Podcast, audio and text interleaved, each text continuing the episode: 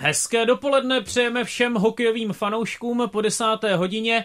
Radiožurnál Sport se zajímá o hokej i v období, kdy už se toho hokeje zase tolik nehraje, byť samozřejmě sledujeme taky finále NHL, ale teď si budeme povídat s Martinem Procházkou v jeho čisté hře, tak tě tu zase rád vidím. Vítej. Ahoj Davide, hezké dopoledne všem. Venku je nějak deštivo, patříš mezi ty, jejichž náladu ovlivňuje počasí? No, tak přiznám se, jsem, jsem radši, když neprší úplně, každopádně teď už bylo, myslím, že dva týdny bylo hodně sucho, tak jsem rád, že konečně taky začalo trošku pršet, že ten vzduch se trošku pročistí, takže já to jo, ty jsem vlastně to přivítal. dbáš o tu zahradu, víš, tak taky potřebuješ nějaký ten déšť. No tak je to tak, no ani ne tak já jako ta tráva potřebuje ten déšť. Budeme mít dnes také hosta, i když tedy na dálku a hned ho představíme. Vy se můžete také zapojit, jsme na telefonním čísle 221 552 156, tak nám kdy kdykoliv zavolejte, anebo pošlete mail na adresu hokej rozhlas.cz. Ty se, Martine, s tím hostem docela dobře znáš. Ostatně právě Martin Procházka nám domluvil povídání s Radimem Rulíkem, trenérem, který naposledy získal stříbrné medaile s hokejovou dvacítkou, s trenérem, který zažil s Pardubicemi mimořádně úspěšnou základní část a poté tedy také semifinálové vyřazení, k tomu se asi taky ještě dostaneme. Tak vás, pane Rulíku, zdravíme a děkujeme, že jste si na nás našel čas. Dobré dopoledne. Kam vás vlastně zdravíme a co tak děláte na začátku června? Tak uh, zdravíte mě do Jeníšova u Karlových varů, taková vesnička, která přímo sousedí s Karlovými vary, když se vyjíždí z varů na směr na Sokolov. Ano. A mm, v současné době ty dopoledne využívám k tomu, abych si trošku utřídil věci z té sezony, protože těch materiálů z dvacítky i z té poslední extraligové sezony bylo, bylo hodně, tak je, já vždycky mám rád, když se to potom všechno jako utřídí a, a připraví se to potom, aby se to zase dalo použít do další práce. No pro vás ta sezona musela být hodně intenzivní. Dostaneme se k tomu, ale Martine Procházko, kde vy jste se vlastně poznali s Radimem Rulíkem? Tak já hrozně rád vzpomínám na sezónu, kdy jsme byli uh, s Pavlem Paterou a uh, s Tomášem Vlasákem v Omsku, uh, kde byl právě Radim Rulík s Ivanem Linkou jako naši trenéři a my jsme měli to skvělý, nebo to byla vlastně jediná možnost mít vlastně českého trenéra uh, v jiném klubu než v Čechách. Já si myslím, že to je takový unikát a ta doba byla krásná, já na to hrozně rád vzpomínám a a jak říkám, Radim Rulík byl skvělý trenér, nebo je skvělý trenér, už byl předtím a určitě měl velkou školu od Ivana Hlinky. Já si myslím, že jim to výborně spolu sedlo a pro nás to bylo samozřejmě proto i hezčí a jednodušší. Pane Rulíku, jakým byl Martin Procházka svěřenec? Poslouchal? No vůbec ty český kluci byli úplně úžasní. Byla to druhá formace v té době. Měli jsme první formaci, já jsem vždycky říkal ruský národák, to bylo okolo Sušinského, potom okolo Patíze, to byl český národák a hmm. pak byla třetí, čtvrtá léna, to byly ty takový, řekl bych, ne nadprůměrný, ale průměrný rusové a ty první dvě lény prostě opravdu měli největší podíl na tom, jak jsme hráli v té sezóně a myslím, že Patý s, s Vlasem dokonce vyhráli kanadský bodování tenkrát v té Superlize, protože to ještě KHL nebyla, ale taky na to vzpomínám strašně rád, protože s těma klukama byla skvělá spolupráce v tom smyslu, že opravdu prostě ty zápasy brali to všechno prostě vážně a, a byly, byly to typy, který nechtějí prohrávat. To je strašně důležitý. Prostě nechtěli prohrávat a měli to prostě v sobě a, a pro to vítězství a pro ten, pro, ten, pro ten výsledek v tom zápase prostě dokázali udělat maximum. Martin přikivuje. Ty už si to někdy zmiňoval, ne Martine, že to byla trochu klasická ruská divočina v Omsku? No tak eh, to byl ten první rok, když jsme tam byli. To tam ještě eh, Radim nebyl u toho s Ivanem Linkou, ale to jsme tam byli, první rok, když jsme tam byli já, Pavel Patera a Jaroslav Kameš, brankář. To byla trošku divočina, to jsme opravdu uh, žili na dáče, na gubernátorové chatě. Jezdili jsme přes dvě hlídky, kde nás vozilo auto a věděli o nás úplně všechno, věděli úplně všechno. Takže my, jak samozřejmě, když jsme chtěli si přivést volný den nějaké pivo, tak nám to cinkalo v autě, ale to nejenom, že cinkalo v autě, ale to prostě věděli všichni, takže samozřejmě Rusové rádi sbírali informace, takže opravdu o nás věděli, jak říkám, všechno. Takže to byla to byla ta první sezóna, to bylo opravdu taková i pro nás velká divočinka. A tak teď už bychom se s posluchačem měli slyšet. Dobrý den. Dobrý den, pánové, tady Jirka. Ano, Jirko. Z Prahy. Zdravím pana Roulíka a Martina. No povídejte. A chtěl jsem se zeptat Martina i pana mm, trenéra, co, co říkají na to, že se zdá, že by měl z eh, první ligy vyhrát ten, co vyhrál základní soutěž a poslední dolů a šance lidi první nahoru. Děkuju. Tak, děkujeme. Já nevím, jsem úplně správně pochopil tu otázku. Jestli by měl Extraligu vyhrát vítěz základní části? Pochopil jsi to tak, Martine? Že by Extraligu měl vyhrát vítěz základní části. No, asi, a... asi to tak bylo myšleno, ale eh, nevím, co přesně tam bylo smysl té otázky. No, já jsem možná si se posluchač neptal na to, že eh, tým, který, který je poslední, jestli nemá spadnout hned dolů a jestli jo. právě vítěz šance ligy nemá automaticky postupovat nahoru. Že tam, a, a co si o tom myslí Radim Rulík? Měl by eh, poslední tým nejvyšší soutěže rovnou padat o patro níž a vítěz ligy první automaticky postoupit? Já si myslím, že ten současný model, který je, že se hraje ta baráž, je určitě k diskuzi o tom, jestli třeba tu baráž nesatraktivně. Myslím si, že jak to bylo dřív, že byly dva týmy z ligy a dva týmy z první národní ligy, tak mně se to osobně líbilo jako úplně nejvíc, jo? že se to prostě hrálo každý s každým dvojkolově a prostě první dva týmy šly do ligy a e, dva týmy neuspěly a vlastně historicky postoupil z těch dvou týmů vždycky, nebo ne vždycky, ale dost často jeden tým z té první národní se tam protlačil. Ta, ta baráž poslední s prvním je taková složitější v tom, že vlastně ten tým z té extraligy musí skoro 40 dní čekat na ten na tu sérii, jo, protože než se dohraje ta první národní liga a než se tam dohraje playoff a než si trošku ty, ten vítěz z toho playoff z té první národní ligy odpočne, tak prostě je to takhle načasovaný a to si nemyslím, že je úplně jakoby šťastný a úplně pro ten hokej jakoby ideální. Jo. Takže já osobně jsem prostě zastáncem té baráže 2-2. Hmm. Já nevím, jestli chce Martin něco doplnit. Já se tomu přidám přesně, jak říká Radim, eh, je to mnohem spravedlivější. Eh, mělo by to být načasováno tak, že by tam opravdu ty týmy, jakmile skončí extraligový tým, eh, tady to už by tam šance liga měla být dohrána a měl by tam mít možná třeba týden na to, aby se odpočinuli ty kluby a pak, aby se to rozdali. Hmm. Takže si myslím, že to je mnohem spravedlivější a naprosto s tím souhlasím. A myslím si, že i pro ty fanoušky by to bylo mnohem atraktivnější. Já se, pane Rulíku, vrátím k vám, než ještě začneme probírat ty aktuálnější témata. Vy jste zmínil, nebo Martin zmínil vlastně to společné působení s Ivanem Hlinkou. Co vám dal trenérsky Ivan Hlinka, jak na ní vzpomínáte? Zmínili jsme OMS. Tak samozřejmě pro mě to byla neskutečná škola, obrovská zkušenost, protože jsem vlastně byl mladý kluk a myslím jako z pozice trenéra, tak na mě bylo něco přes 30, myslím si, že mi ještě nebylo 40 a nějakých 37 let. A takže mladý kluk a víceméně e, být v takovém týmu, kde byli opravdu špičkoví hráči, tak to se jako ne vždycky přihodí tomu trenérovi, že má tu možnost, takže já jsem prostě opravdu měl tu, měl tu možnost pracovat vedle Ivana s výbornýma hráčema. A Ivan prostě musím říct, že nadhled a takové, taková přirozená, přirozený chování, autorita k, směrem k hráčům, kdy prostě nikdy se jim nepodbízel, ale vždycky ty, ty kluci prostě za ním šli, protože opravdu prostě nepřeháněl to, ne, ne, netlačil na pilu moc, prostě opravdu měl cit, měl cit na to vedení těch kluků a protože samozřejmě měl ohromné zkušenosti z té hráčské kariéry a hodně si pamatoval, takže musím říct, že mi se to strašně jakoby líbilo, mě to strašně sedlo v tom smyslu, že jsem viděl prostě trenéra, který prostě nepanikaří, který, který nezmatkuje a který opravdu uh, prostě dokáže s nadhledem vést to mužstvo a to mužstvo se samozřejmě vycítilo a myslím si, že ty ač ten výsledek to byl podobný jako letos v Pardubicích, nebyl úplně, se to nedotáhlo, tak ta sezona vůbec nebyla špatná. No a jsou chvíle, kdy vy zmatkujete, kdy se tomu prostě neubráníte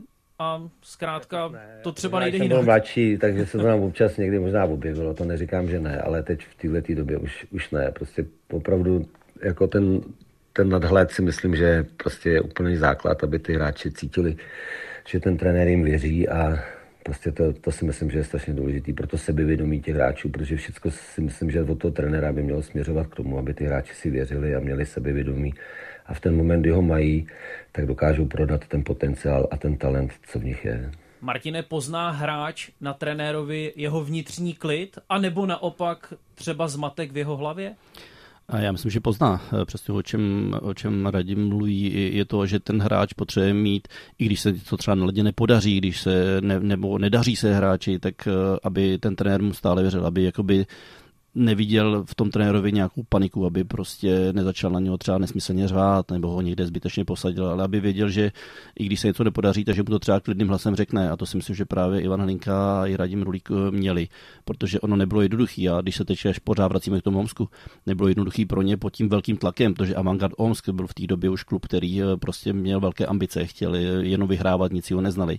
A teď vezměte si, tam měli dva tréry z Čech, eh, tři hráče, pak tam byl Jirka Šlek, čtvrtý, prostě velký tlak. No a e, ti trenéři to neměli vůbec jednoduchý, takže e, za mě obrovský respekt před nimi, jak to zvládli. A i když, e, jak říká Radim, neudělali jsme zlato, tak pořád jako prostě jsme vyhrávali a udělali se skvělý úspěch. Takže hráč prostě potřebuje od toho trenéra mít určitou důvěru a to sebevědomí potom tím pádem hodně roste.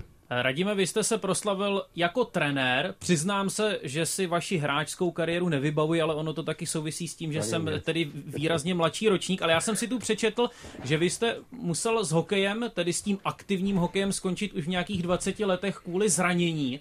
Tak můžete být konkrétnější?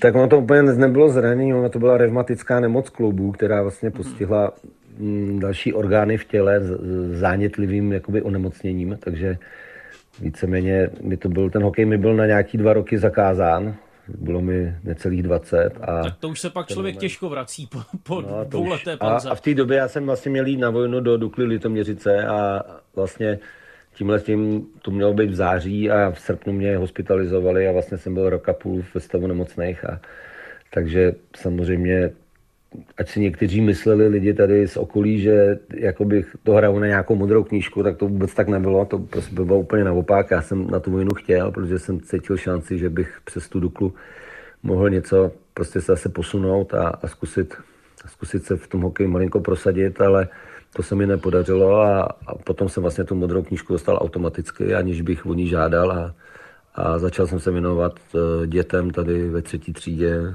Tam jsem začínal u třetí třídy v Karolých Varech a uh, už jsem se potom nasměroval jako na tu pozici toho trenéra, protože ten hokej mě strašně bavil. Jako to bylo prostě od, od první chvíle, kdy jsem vstoupil na let, tak jsem věděl, že to je prostě něco, co mě prostě neskutečně uh, fascinuje v té době a potom samozřejmě ta práce mě věděl jsem, že prostě, nebo takhle, já jsem v té době to nevěděl, ale chtěl jsem to zkusit a chtěl jsem u toho hokej prostě zůstat, jo. Nechtěl jsem tím s hokejem skončit tím, že vlastně se to takhle jako nepodařilo zdravotně, takže jsem tu možnost dostal tady v Karlových Varech a pak už mě to samozřejmě strašně začalo bavit a už, už ta cesta prostě potom šla šla dál. V souvislosti s tím mě napadá, jak to má Martin Procházka s vojnou, nebo tedy měl s vojnou. Já jsem v té době byl zdravý, takže jsem byl na vojně. Ale to je, to je na dlouhý vyprávění. Já to zkrátím. Tak to no, měl jsem, byl jsem domluvený s trenérem Šuplerem, který byl slovenský trenér, že půjdu do Trenčína. Tak jsem odjel na ten povolávací rozkaz do Trenčína kde bylo výběrový nějaký kolečko, kde si vybíral ten šupler a já jsem si byl domluvený po dvacítkách, kde jsem hrál, že budu v Trenčíně, že strávím rok v Trenčíně. No, když jsem tam přijel, tak samozřejmě na mě najednou nevyzbylo místo, takže jsem se obratem vrátil do tábora. Z tábora jsem šel do... No, ty jo, no to je jedno. Někam? Někam ještě níž úplně. Uh, do Strakovic, ano. myslím, uh, že jsem šel a uh, tam jsem byl uh, někde celý měsíc na nějakým tom povolávacím rozkazu, tam jsem byl do přijímače nebo něco, no to je jedno. Uh, potom si mě vytáhli z dobrého tábora a volal uh, Jarda Holík, že by si mě vzal do hlavy. Takže já jsem pak nakonec strávil rok v hlavě v Dukle Jihlava, kde jsem hrál vlastně uh, ligu. Eh, pane Rulíku, vy jste toho nakonec dokázal jako trenér a snad ještě není stále hotovo docela dost, takže vy se jen můžete nakonec smát takovým těm řečem o tom, že eh, dokonalým trenérem nemůže být někdo, kdo za sebou nemá dokonalou hráčskou kariéru, ale třeba v těch trenérských začátcích čelil jste někdy takovým argumentům?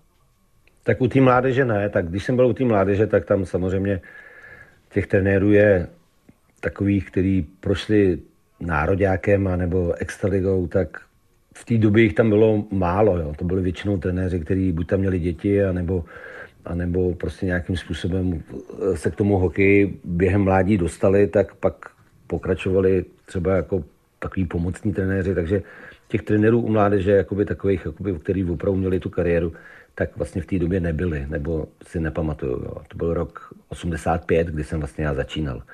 A to už je strašná doba. Ale samozřejmě, když jsem potom vstoupil do té extraligy a, a případně jakoby dál, tak samozřejmě ze začátku to trošku si myslím, že to okolí jako to hokejový, nebo ty, ty lidi, kteří z toho hokeje vzešli a, a znali se navzájem, tak úplně to neviděli úplně rádi, si myslím. A prostě to jsou věci, s kterými člověk prostě nic neudělá, ale já si myslím, že prostě samozřejmě ten hráč, ten má obrovskou, obrovskou výhodu, má obrovský předpoklady pro to, aby potom pokračoval v té v trenérské v té trené, v tý, v tý trenéřině, ale si myslím, že i, i takový typ, který prostě se dostane třeba na úroveň druhé národní ligy a vlastně ví, o čem ten hokej je, tak a, a neměl jenom prostě nějaké možnosti to posunout dál, tak má šanci prostě se prosadit jako trenér. Ale samozřejmě je to, je to v daleko menší míře a není to, není to běžný. V zámoří to je třeba hodně běžný, že prostě tam opravdu berou toho trenéra podle toho, jaký má výsledky a ne podle toho, jakou měl kariéru. Ale my jsme takový trošku konzervativnější v tomhle a u nás to pořád, jako si myslím, eh, je těž složitější, ale vždycky, vždycky ta šance je, akorát prostě ty, ty trenéři to prostě nebudou mít tak jednoduchý, musí si to opravdu, opravdu odpracovat a musí ty výsledky mít, jinak potom prostě na tu nejvyšší úroveň se nedostanou.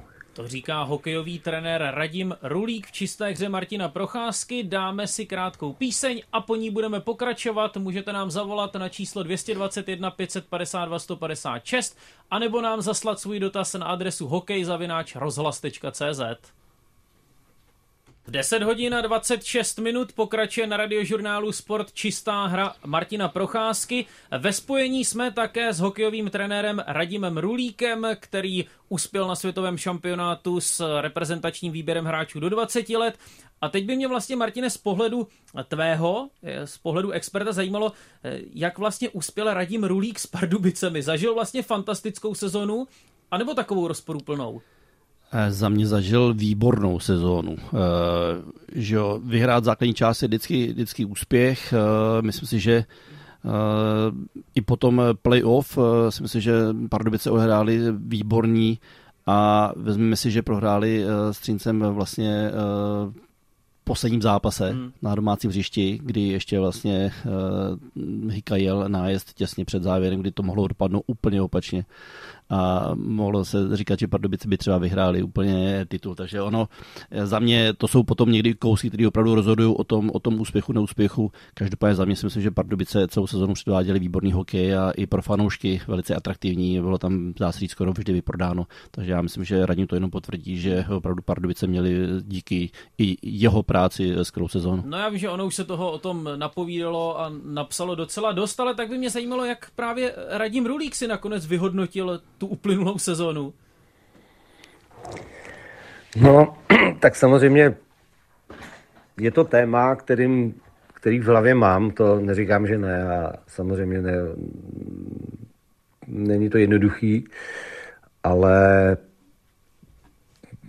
myslím si, že samozřejmě nerad mluvím o sobě nebo tak, ale, ale myslím si, že opravdu ta základní část, že překvapivě, to jsem, já jsem nečekal, že bychom jako základní část, protože jsem věděl samozřejmě, jaký jsou, jaký jsou soupeři a jak to bude složitý a hlavně jsem si myslel, že třeba Sparta bude prostě ten, ten aspirant, který třeba má na to, aby tu základní část prostě vyhrál, ale samozřejmě tam Spartě si nepovedl úvod a ač měli potom finish fantastický, tak už to do, jakoby dotlačili na třetí místo po té základní části a vlastně my jsme měli sezonu bez nějakých výkyvů. Jo.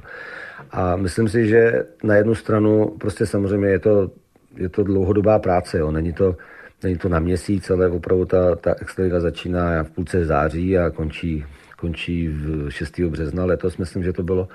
Takže to je prostě opravdu jakoby dost dlouhý časový úsek a udržet to, ten tým bez nějaký krize a bez nějakých výkuvů a furt mít ten bodový přínos takový, že my jsme vlastně v lednu jsme se dostali někde na to před Vítkovice a potom už jsme tam někoho nepustili a vlastně jsme si, jsme si to uhráli.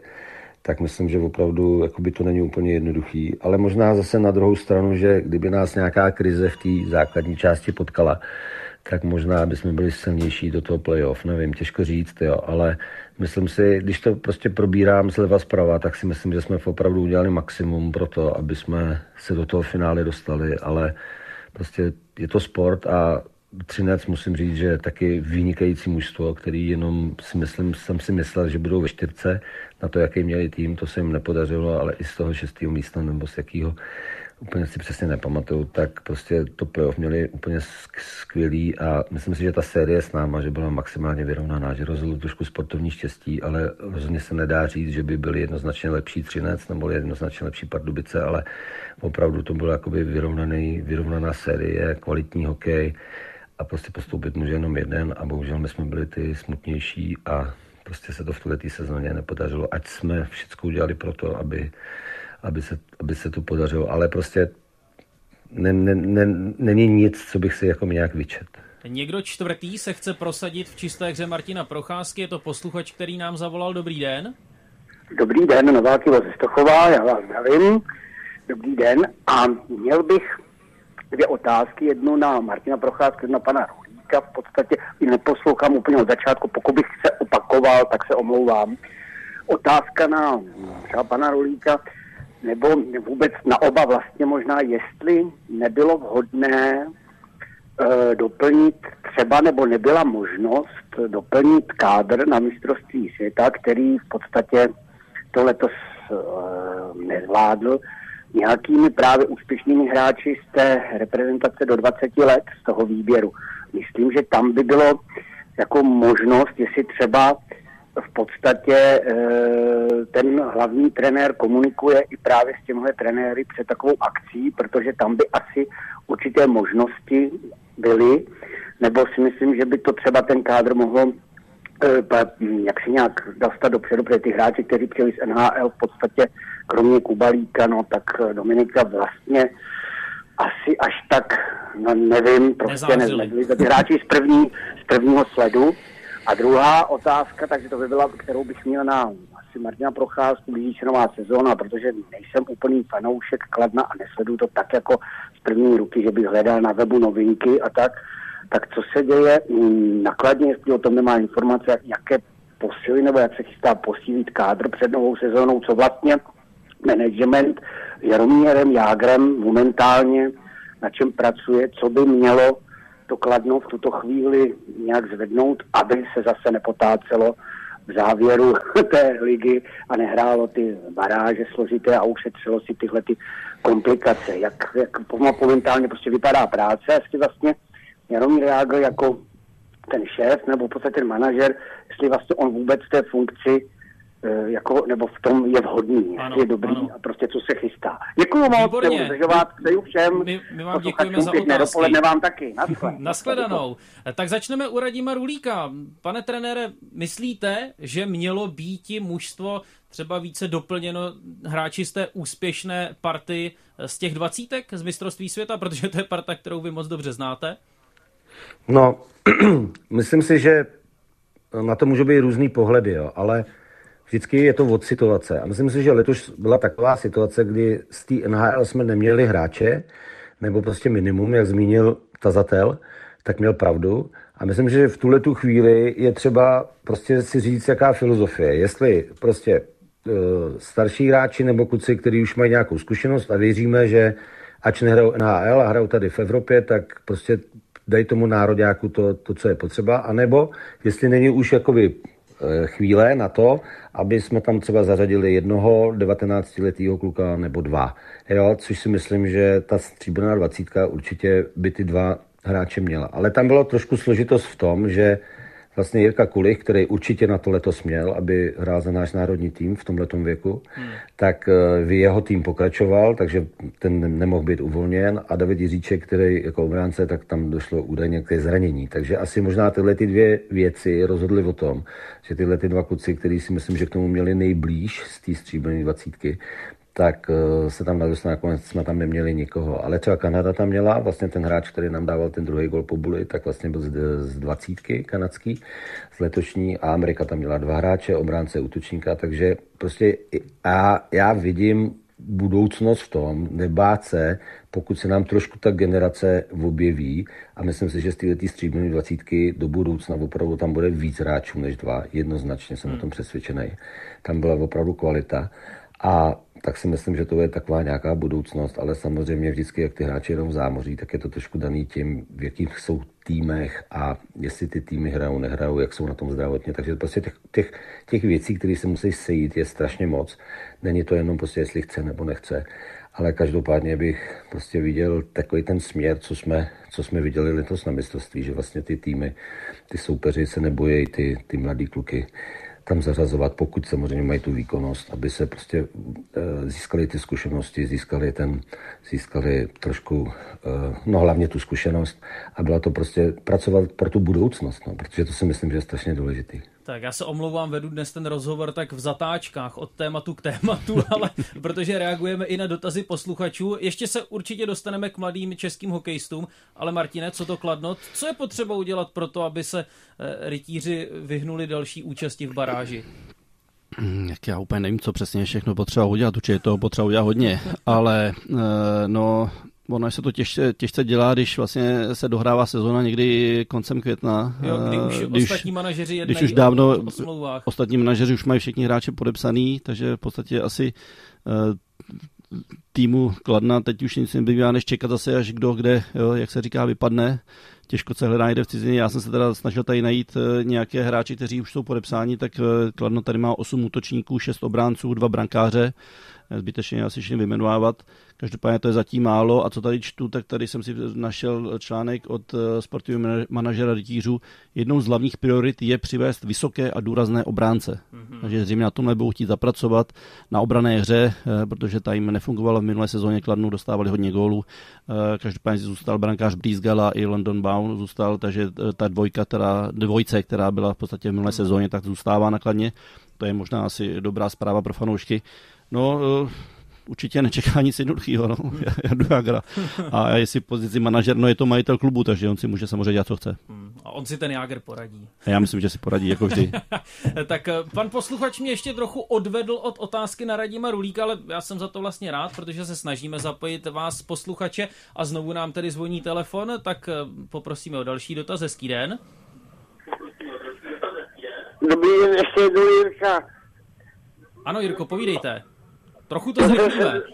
Ano, chtěl jsem se zeptat pana, pana Lujíka, jestli už má jasno, kam, eh, kam povede jeho cesta trenerská. Děkuju. Také jsem se ho chtěl zeptat, díky za otázku. Tak pane Rulíku, kam povede vaše trenerská cesta? Byť nevím, tak... jestli nám budete umět odpovědět vlastně v tuto no, chvíli neumím. dnes 6. června. Neumím, ale z největší pravděpodobností si myslím, že bych měl pokračovat u dvacítky. Mm-hmm. Jinými slovy je to na dobré cestě. Nějaká no, domluva, dohoda. No, něco na, jo, je to na dobré cestě. E, tak já se ještě jednou vrátím k té minulé sezóně. Už vás tím nechci trápit dlouho, ale přeci jen, když máte za sebou sezonu, ve které v podstatě atakujete v základní části historický extraligový rekord, e, poté získáte bronzovou medaili, jak poté jako trenér takzvaně koušete ten fakt, že u týmu skončíte? No, není to příjemný. Není to příjemný, protože pokud by ten tým nepostoupil třeba do semifinále, pokud by ten tým byl jednoznačně horší v tom semifinále, prohrál třeba 4-0 nebo 4-1 na zápasy, tak eh, anebo prostě by neudělal čtyřku eh, po základní části, tak to jsou všechno jakoby jasné věci, kdy, když by mě jako řekli, prostě nepočítáme s tebou dál, tak samozřejmě bych to chápal, nebo prostě bylo by mi to jasný, eh, byl bych s tím stotožněný a prostě jo, nepovedlo se to, prostě nedá se nic dělat, ale tahle situace je trošku zvláštní, protože protože to není úplně obvyklý. Hmm. Přistal nám také dotaz na naší e-mailovou, nebo do naší e-mailové schránky hokej zavináč rozhlas.cz, i když možná se vám na to bude složitě odpovídat, protože vy zkrátka eh, budete muset být diplomatický, ale ptá se pan Jan Chovančík.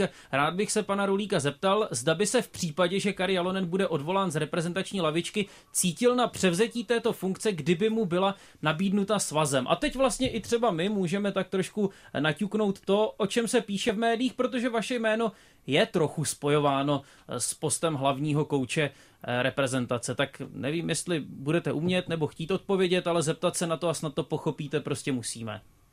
No, musím, to říct, musím odpovědět asi tak, že pokud ta, pokud tato situace nastane, tak se to všichni dozví, jak na to pohlížím a jak, jak to cítím. Ale v tuhle tu chvíli spekulovat z, míst, z mých úst prostě neuslyšíte spekulaci, protože si myslím, že mi to nepřísluší tomu asi Martin nerozumíme. No, je to tak, no tak samozřejmě. Myslím si, že teďka jsou, eh, bude důležitý den, čtvrtek. Eh, já si myslím, že určitě už nějaká jednání probíhají, pokud vůbec eh, probíhají ve smyslu právě této situaci. A ani není potřeba, si myslím, že dneska něco o něčem spekulovat. To všechno to jsou v podstatě jenom nějaké dohady a já sám se těším na čtvrtek, počkám si na to, jak se říká, resumé a, hmm. a na ten výsledek, takže uvidíme, jak to dopadne celé. Vidím tu další dotaz v naší e-mailové schránce. Pan Igor se ptá, jak moc vám, pane Rulíku, na mistrovství světa 20-letých pomohl trenér Kari Jalonen? No, to je jedna, jedna z věcí, která se trošku jakoby v médiích úplně neprezentovala tak, jak to bylo. Hmm. Protože já jsem dělal rozhovor, kdy jsem 15 minut chválil svý spolupracovníky, jako byl Marek Židlický, Ondra Pavelec a Jirka Kalous. Uh, z těch 15 minut se v tom rozhovoru neobjevila ani jedna věta. A pak jsem s jednou větou řekl, že Kary projevil zájem prostě vidět to mistrovství, že bych chtěl přijet, jestli mi to vadí nebo ne. Řekl jsem, že mi to vůbec nevadí. A řekl, že pokud něco budeme chtít od něj, takže je kdykoliv připravený jakoby nám říct jeho názor. Ale k té jakoby takový té mm, komunikaci prostě dělá nám určitý statistiky, ty, co si dělá v UAčka na ty superšance, to, to, to dělal z každého zápasu, to jsme měli k dispozici ale víceméně tam byl jako pozorovatel toho hráčů, mistrovství, úrovně, než že by patřil do toho trenerského štábu. Takže já jsem to nějak jednou větou řekl a potom se v těch médiích objevil vlastně nadpis o, o tom, že jsme tam jakoby společně a že to děláme společně a prostě to úplně nebylo to, co bych říkal. Radim Rulík má jako hlavní trenér zásluhu na zisku stříbrných medailí z posledního šampionátu 20-letých a dnes je Radim Rulík hostem radiožurnálu Sport v čisté hře Martina Procházky. Tak ještě jedna píseň a poté to pěkně dojedeme do 11. hodiny a konečně se zaměříme taky na ty mladé české naděje a na ty české hokejisty. Jak ty si to, Martine, říkal ještě mimo vysílání, že Radim Rulík jako trenér dbá na fyzickou připravenost, že to se ti jako první vybaví? Ano, je to tak. Já vím, že eh, hráči, kteří pod ní byli na, na klubové úrovni, říkali, že eh, se týká letní přípravy, takže to jsou takové malé galeje, nevím, jestli mi to radní potvrdí, ale já si myslím, že jo, a na druhou stranu je to správný, protože prostě v létě se musí trénovat, to nepřipadá, nepřipadá v úvahu, že by vůbec hráči v létě netrénovali. A jak se říká, to se na troje v létě se potom také prodá v sezóně, takže eh, já si myslím, že si užívali a sám čekali no, tak, si... Tak jak je to, pane Rulíku, s těmi galejemi? no dřív musím říct, že to tak bylo a musím říct, že opravdu některý ty kluci, jako je, jako je Pecháček z Budějovic, anebo Venca z Kuhraví, nebo Kumy, Kumstad, který potom končil ve Spartě, tak eh, tyhle ty kluci, ty, ty musím říct, ty to teda odnesli jakoby nejvíc, jo, tenkrát ode mě, jo, ale... v jakém smyslu? Se, no, jako prostě, my jsme tenkrát v těch varech neměli úplně tým a bylo nám jasný, že pokud chceme uspět a protože předtím jsme hráli baráž s Chomutovem a, a chtěli jsme se tyhle těm starostem vyhnout, nebyl takový rozpočet, Becherovka od toho tenkrát odstoupila a prostě opravdu ten sponzor s těma penězma to bylo strašně těžký, takže jsme neměli takový tým jako ta konkurence, takže jestli jsme se chtěli udržet, tak jsme museli v něčem prostě být jakoby dobrý a tak jsme jako vsadili na to, že když prostě budeme, když budeme fyzicky silní, tak máme prostě možnost jakoby hrát i s těma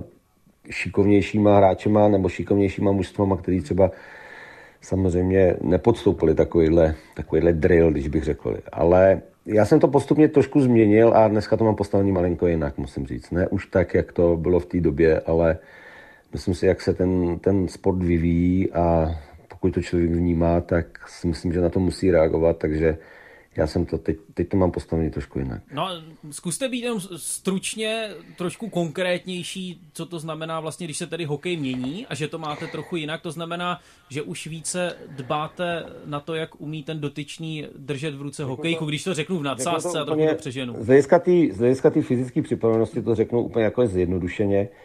Eh, v těch dřívějších dobách jsme se soustředili na ten květen, červen, případně červené srpen. To byly čtyři měsíce a potom od momentu, kdy se začala hrát soutěž, tak už jsme víceméně toho tréninku mimo ten let měli málo mm-hmm. nebo minimum.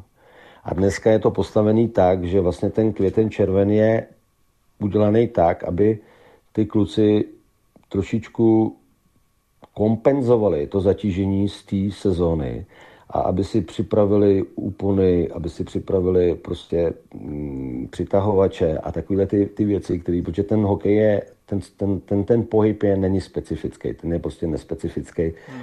A to brusení prostě opravdu vykládá, eh, na, na, dává ohromné nároky na ty tříselní přitahovače a prostě na přetěžování určitých svalových skupin a určitých partí toho těla. Takže teď je ten květen červen prostě postavený tak, aby aspoň z mé strany, aby ty hráči trošku kompenzovali tu zátěž té sezóny, aby se trošku připravili pro tu zatížení, pro to zatížení do té sezóny. Ale potom se v té sezóně jede, furt se jede prostě rytmus suchá, led, suchá.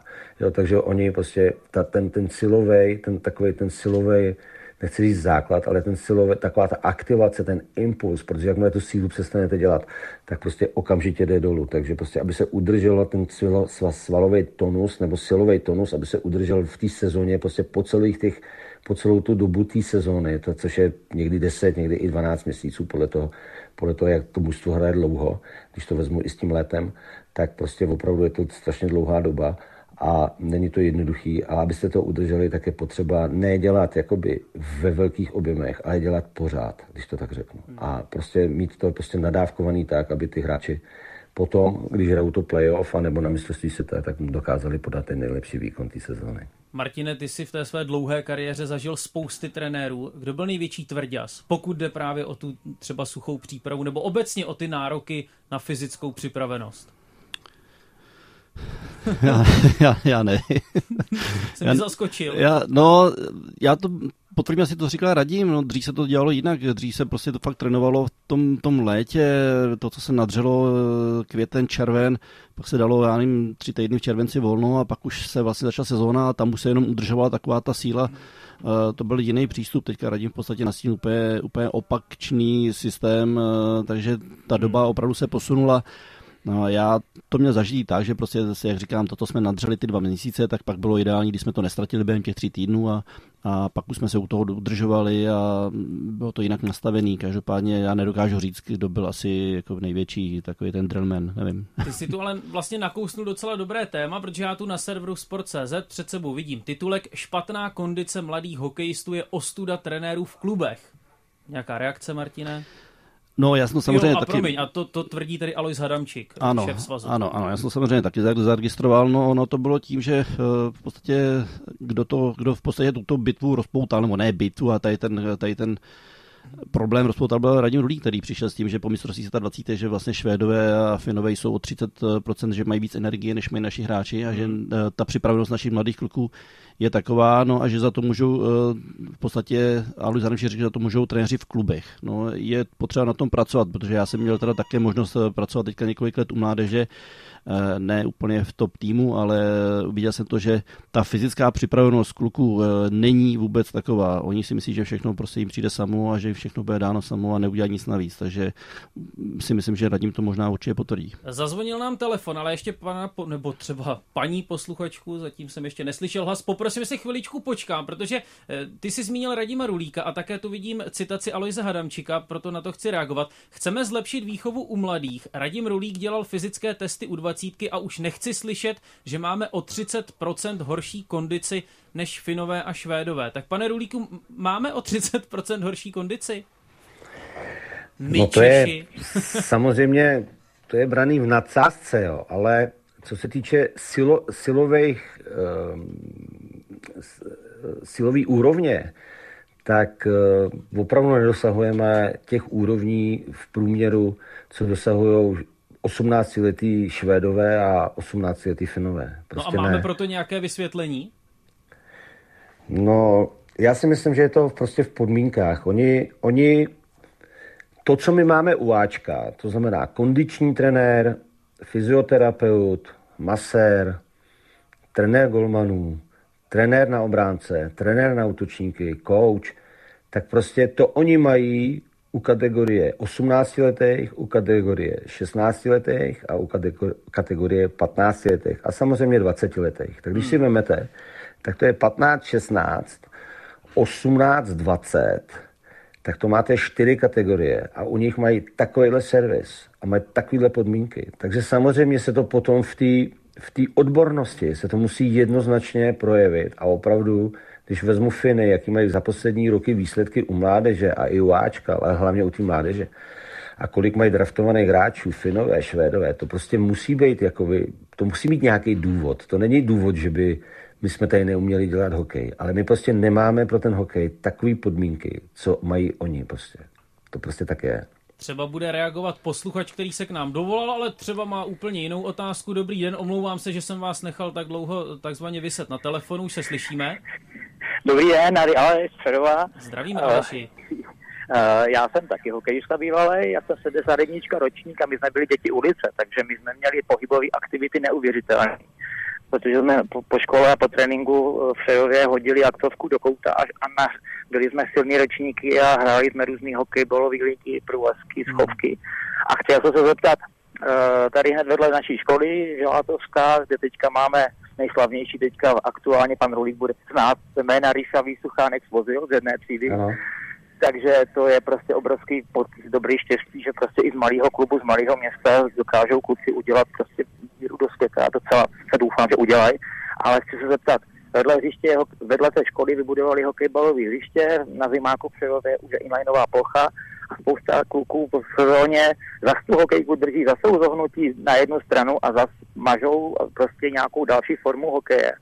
A mně se zdá, že ty dnešní kluci jsou prostě jako jenom hokejisti, ale v okamžiku, kdy mají udělat kotou nebo dát nějaký Spartan Race nebo jedna kole, tak jsou úplně v řití nebo na běžky.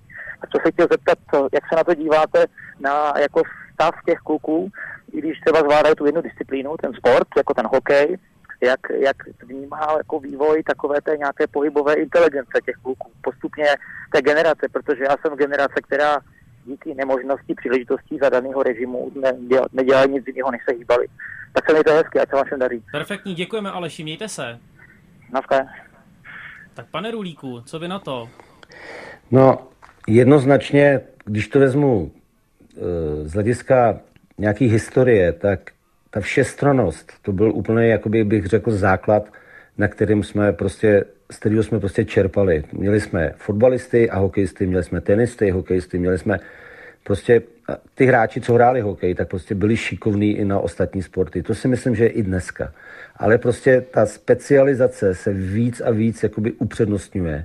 Ale pořád si myslím, že prostě ten prostor pro tu všestranost, u těch, hlavně u té mládeže, by se neměl prostě opomíjet a měl by tam být vytvořený, protože to je, tam, tam se dá takový ten základ toho, toho pohybu, ten základ herního myšlení, tohohle toho všeho, to prostě ale spontánní cestou, ne prostě cestou drillu, ne cestou nařizování, ale spontánní cestou ideální, když, jsem, když to dokážou prostě ty trenéři nebo, nebo prostě nahradit ty aktivity, které byly dřív běžný, tak prostě dneska běžný nejsou, protože prostě se ten svět někam posunul, ale prostě pořád, pořád je ta šance. Ty, zase když to vezmu v těch severských státech, který nějakým způsobem dneska určují, to, určují tu úroveň, tak opravdu do nějakých těch 12-13 let to mají víceméně jako koníček ten hokej, vůbec to jako mi nehrotí a, a opravdu hlavně jim jde o to, aby měli co nejvíc, nejširší základnu a, a co nejvíc dětí a na co nejvíc, ne, na, na, co nejvíc vesnic, aby měli prostě stadion a aby měli prostě tu, to, to množství. Jo. A když jsme hráli uh, ligu mistrů s Litvínovem, tak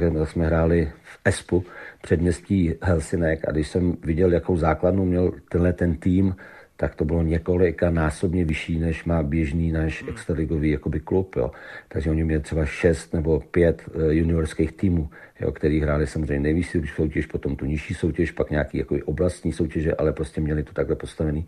A to si myslím, samozřejmě to neříkám, že tak by mělo být, ale opravdu do nějaké té doby určitě prostě netlačit na ty děti, ty rodiče prostě nějakým způsobem je, eh, nechci vychovat, ale prostě jim to vysvětlit, že prostě v, páté třídě se ještě nehraje o titul mistra světa, v šesté třídě taky ne a že prostě tam je potřeba hlavně, aby ty kluky to bavilo a aby, aby prostě si všichni zahráli, aby nebylo daný, že někdo nejpřijde na trénink, tak nemůže hrát zápas a takové věci se prostě v tom našem hokeji prostě vždycky objevovaly a možná objevujou a to si myslím, že úplně není správný a prostě potom opravdu soustředit se na ty, na ty kluky 14-15 let, kteří prostě mají ten, ten talent pro ten sport a tam potom, tam potom opravdu udělat maximum pro to, aby ten progres do těch 20 se udělal co nejvyšší. Ale ta všestrannost hlavně v těch žák, žákovských kategoriích stoprocentně si myslím, že je důležitá, aby prostě ty trenéři se o to postarali, aby tam byla. Martine, třeba nás poslouchají nějací rodiče, ostatně i já jsem rodič, jsem otcem, mám tedy čtyřletou dceru. Kdybych uvažoval o tom, že jí dám na hokej, byť se to tedy přiznávám, asi nestane, co bys mi doporučil, na co bych ji ještě měl dát? Ať hraje hokej a ať k tomu dělá třeba co? Tak, eh, samozřejmě klidně tenis, eh, Radim už to zmiňoval, eh, prostě ideální doplňkový sport, když jsme to bavili, kombinace tenise, tenisu a hokeje. Já bych dal klidně atletiku, tam je všeobecná průprava veškerý sporty, já jsem si, že atletika další ideální sport. A já už to nebudu moc protahovat, je to ideální samozřejmě, když k tomu sportu, který si potom to dítě vybere, a chce ho dělat třeba profesionálně nebo prostě jako sport číslo jedna, tak je ideální, když to má ještě další tři, čtyři sporty. Já jsem takhle měl taky, jako, jako do dorostu jsem hrál fotbal, vyzkoušel jsem všechno možný, kanoistiku na Vltavě, prostě, ale byl jsem už o chvilku, ale všechno jsem si vyzkoušel.